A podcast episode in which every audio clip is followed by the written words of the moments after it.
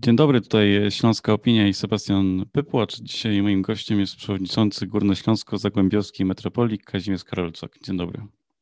Dzień dobry panu, dzień dobry państwu. Ten ostatni e, rok, e, trzeci, jeżeli dobrze liczę, istnienia metropolii był łatwy, trudny, wyjątkowy był na pewno. No, myślę, że y, wyjątkowy i trudny y, zarazem. Y, no, pandemia to jest coś, czego no, nikt się nie spodziewał i nigdy by nie przypuścił, że z czymś takim możemy mieć do czynienia.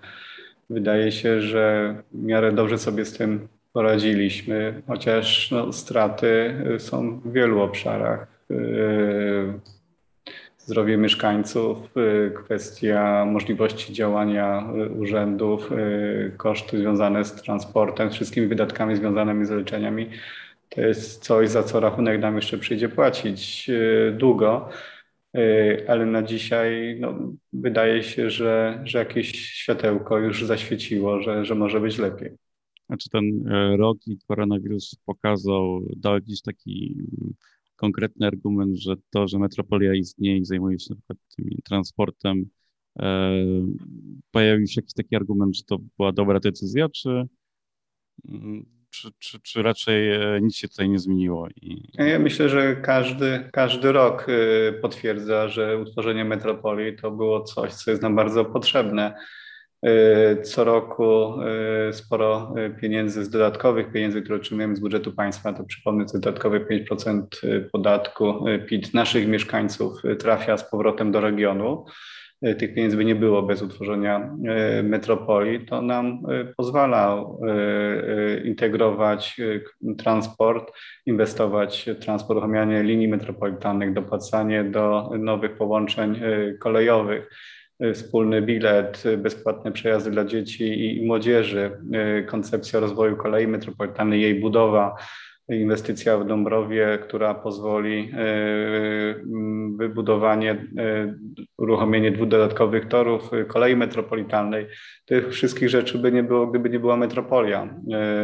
W tej chwili na obszarze 41 miast i gmin Y, jest jeden zintegrowana, jedna zintegrowana taryfa, jeden bilet. Y, wcześniej mieszkańcy tych chcąc podróżować dalej niż do Katowic innymi liniami, no musieliby wykupić drugi bilet. W tej chwili tych ograniczeń, ograniczeń nie mamy, a, a ta integracja cały czas pracujemy, żeby była jeszcze mocniejsza, jeszcze silniejsza. Liczymy na współpracę lepszą z kolejami śląskimi. Tak więc no, naprawdę sporo się dzieje i to się dzieje dzięki temu, że powstała metropolia. Również y, zeszły rok, y, kiedy y, dochody z biletów spadły o blisko 100 milionów złotych, to, to dzięki Metropolii są pieniądze na pokrycie tych strat. Stworzenie takiej poduszki bezpieczeństwa dla gmin, które zgodnie z ustawą o organizacji transportu My dla nich realizujemy to zadanie. Te kwoty będą musiały pokryć z własnych budżetów, ale jesteśmy po pewnych uzgodnieniach że będą mogły to zrobić w ratach i w odroczeniu. Yy, tak więc to jest następna rzecz, która no, ma niebagatelny wpływ na yy, możliwości rozwojowe miast.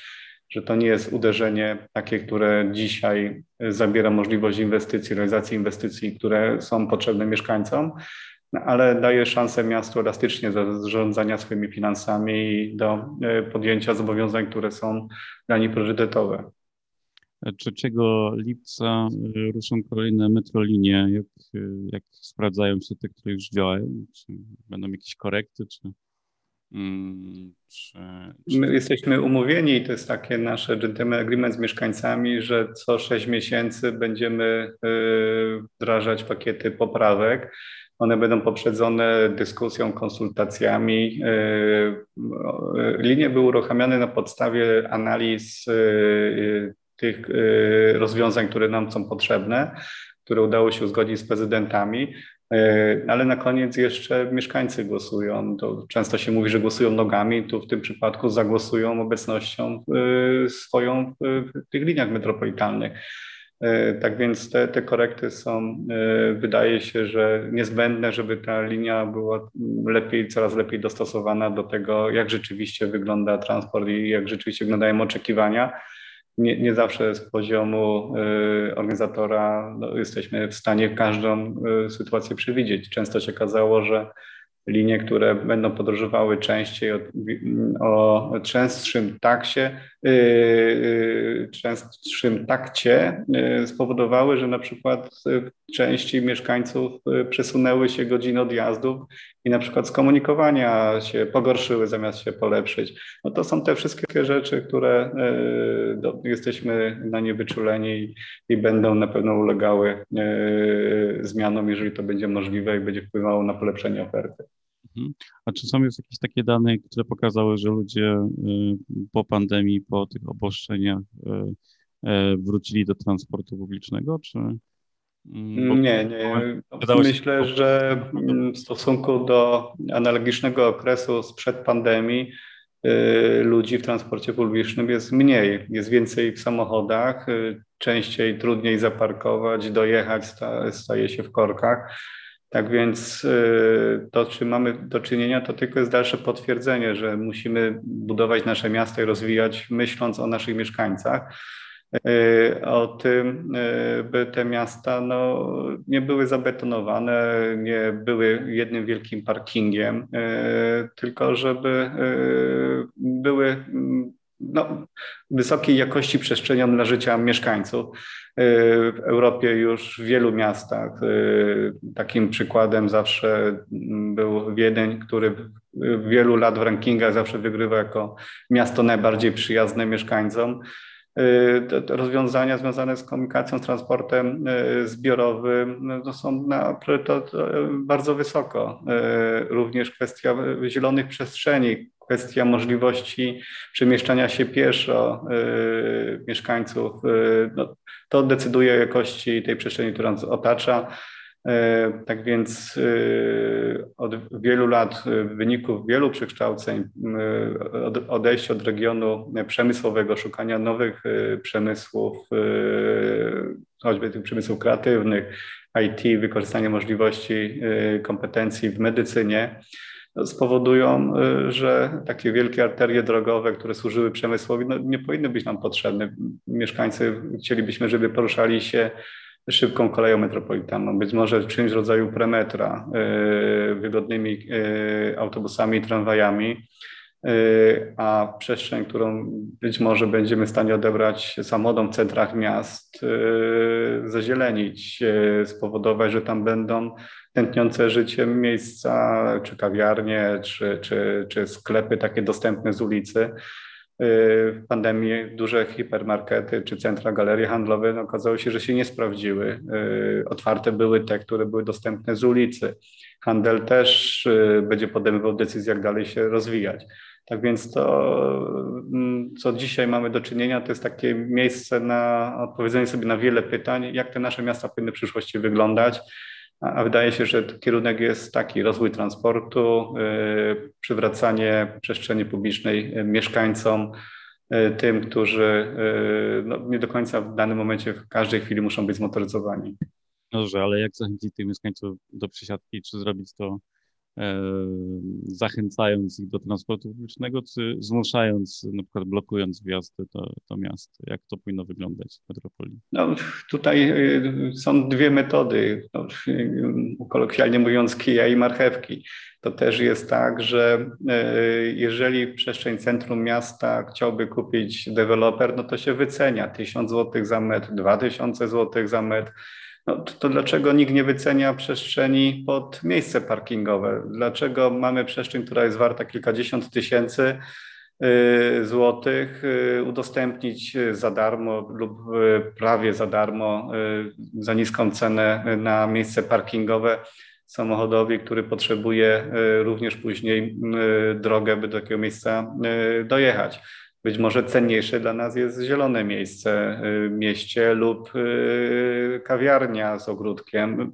No, to, to, są, to są te pytania, które trzeba zacząć zadawać, czego mieszkańcy bardziej potrzebują. Czy, czy naprawdę y, kilkanaście procent y, mieszkańców chcących dojechać samochodem w każde miejsce powoduje, że te decyzje będą takie, a nie inne, czy, czy być może większość mieszkańców, która się porusza pieszo yy, w centrum miasta, woli, żeby to były przestrzenie bardziej zielone. To, to, na to pytania sobie odpowiadamy trochę szerzej patrząc na, na mobilność. Pracujemy nad planem zrównoważonej mobilności, który obejmuje różne środki transportu.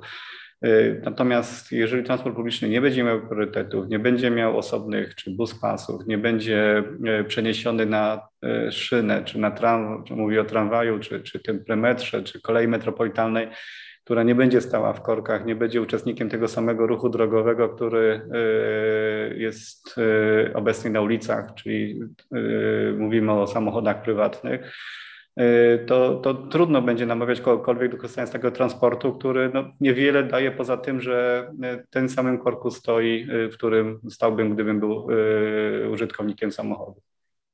Rozumiem, że tym takim zachętą może być to, że na jesień znowu zmieni się trochę skup i chyba będziesz, będzie bardziej użyteczny.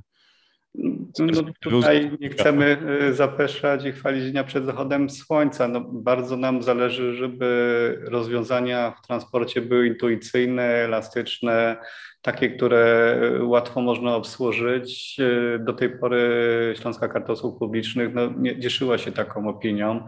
No, wynikało trochę to z technologii, która została wykorzystana, ale ja przypomnę, że ten system y, ponad 10 lat temu y, był niejako zaproponowany i opisany Później kwestia przygotowania specyfikacji, przetargu.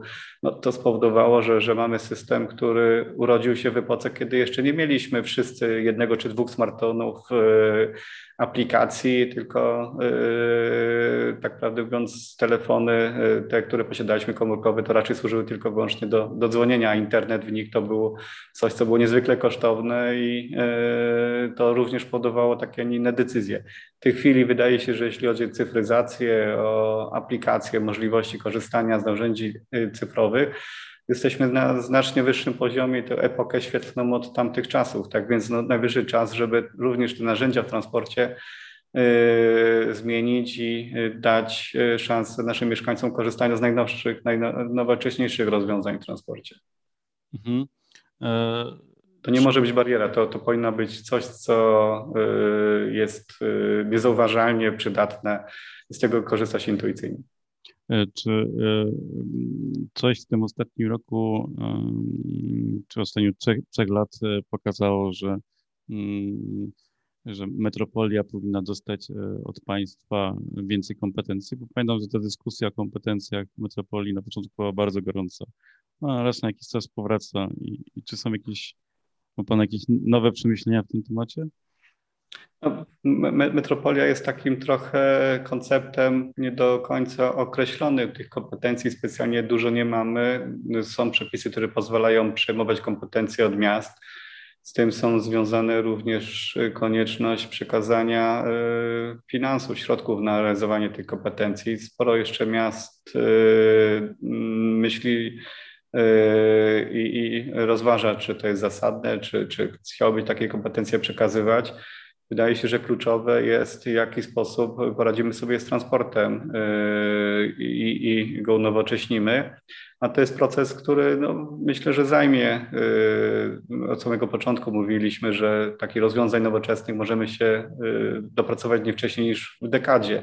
Kolej metropolitalna to jest na pewno projekt od rozpoczęcia do efektów takich, które myślę, że będą namacalne. To jest projekt kwestia dekady.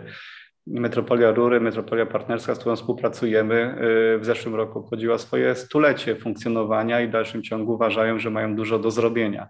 Ale kiedy y, mieliśmy okazję ostatnio razem spotkać się na targach nieruchomościowych w Monachium, gdzie y, duże miasta, metropolie pokazywały swoją ofertę inwestycyjną, na przykład metropolia Rury miała stoisko zajmowało e, e, ponad 1000 metrów powierzchni, w której na tym stoisku uczestniczyły wszystkie miasta, partnerzy biznesowi, która metropolii Rury nie kosztowało to wcale, ponieważ te koszty zostały pokryte przez partnerów biznesowych. W naszym przypadku to było stoisko kilkudziesięciometrowe, którym zaprosiliśmy kilka miast kilku partnerów biznesowych, ale to jest tej początek drogi pokazywania, że duży może więcej, budowania tych sieci współpracy, tej, tej realnej, która później na sam koniec może skutkować tymi efektami, jak właśnie metropolii Rury. Y, choćby takim symbolicznym stoiskiem 1000 metrów, który y, pokazuje rzeczywiste, y, realne możliwości współpracy z tak dużym obszarem jak metropolia Rury. A region bardzo podobny do nas, dużo błędów w transformacji przemysłowej popełniono. My mamy szansę nauczyć się, jak to zrobić lepiej z mniejszymi konsekwencjami.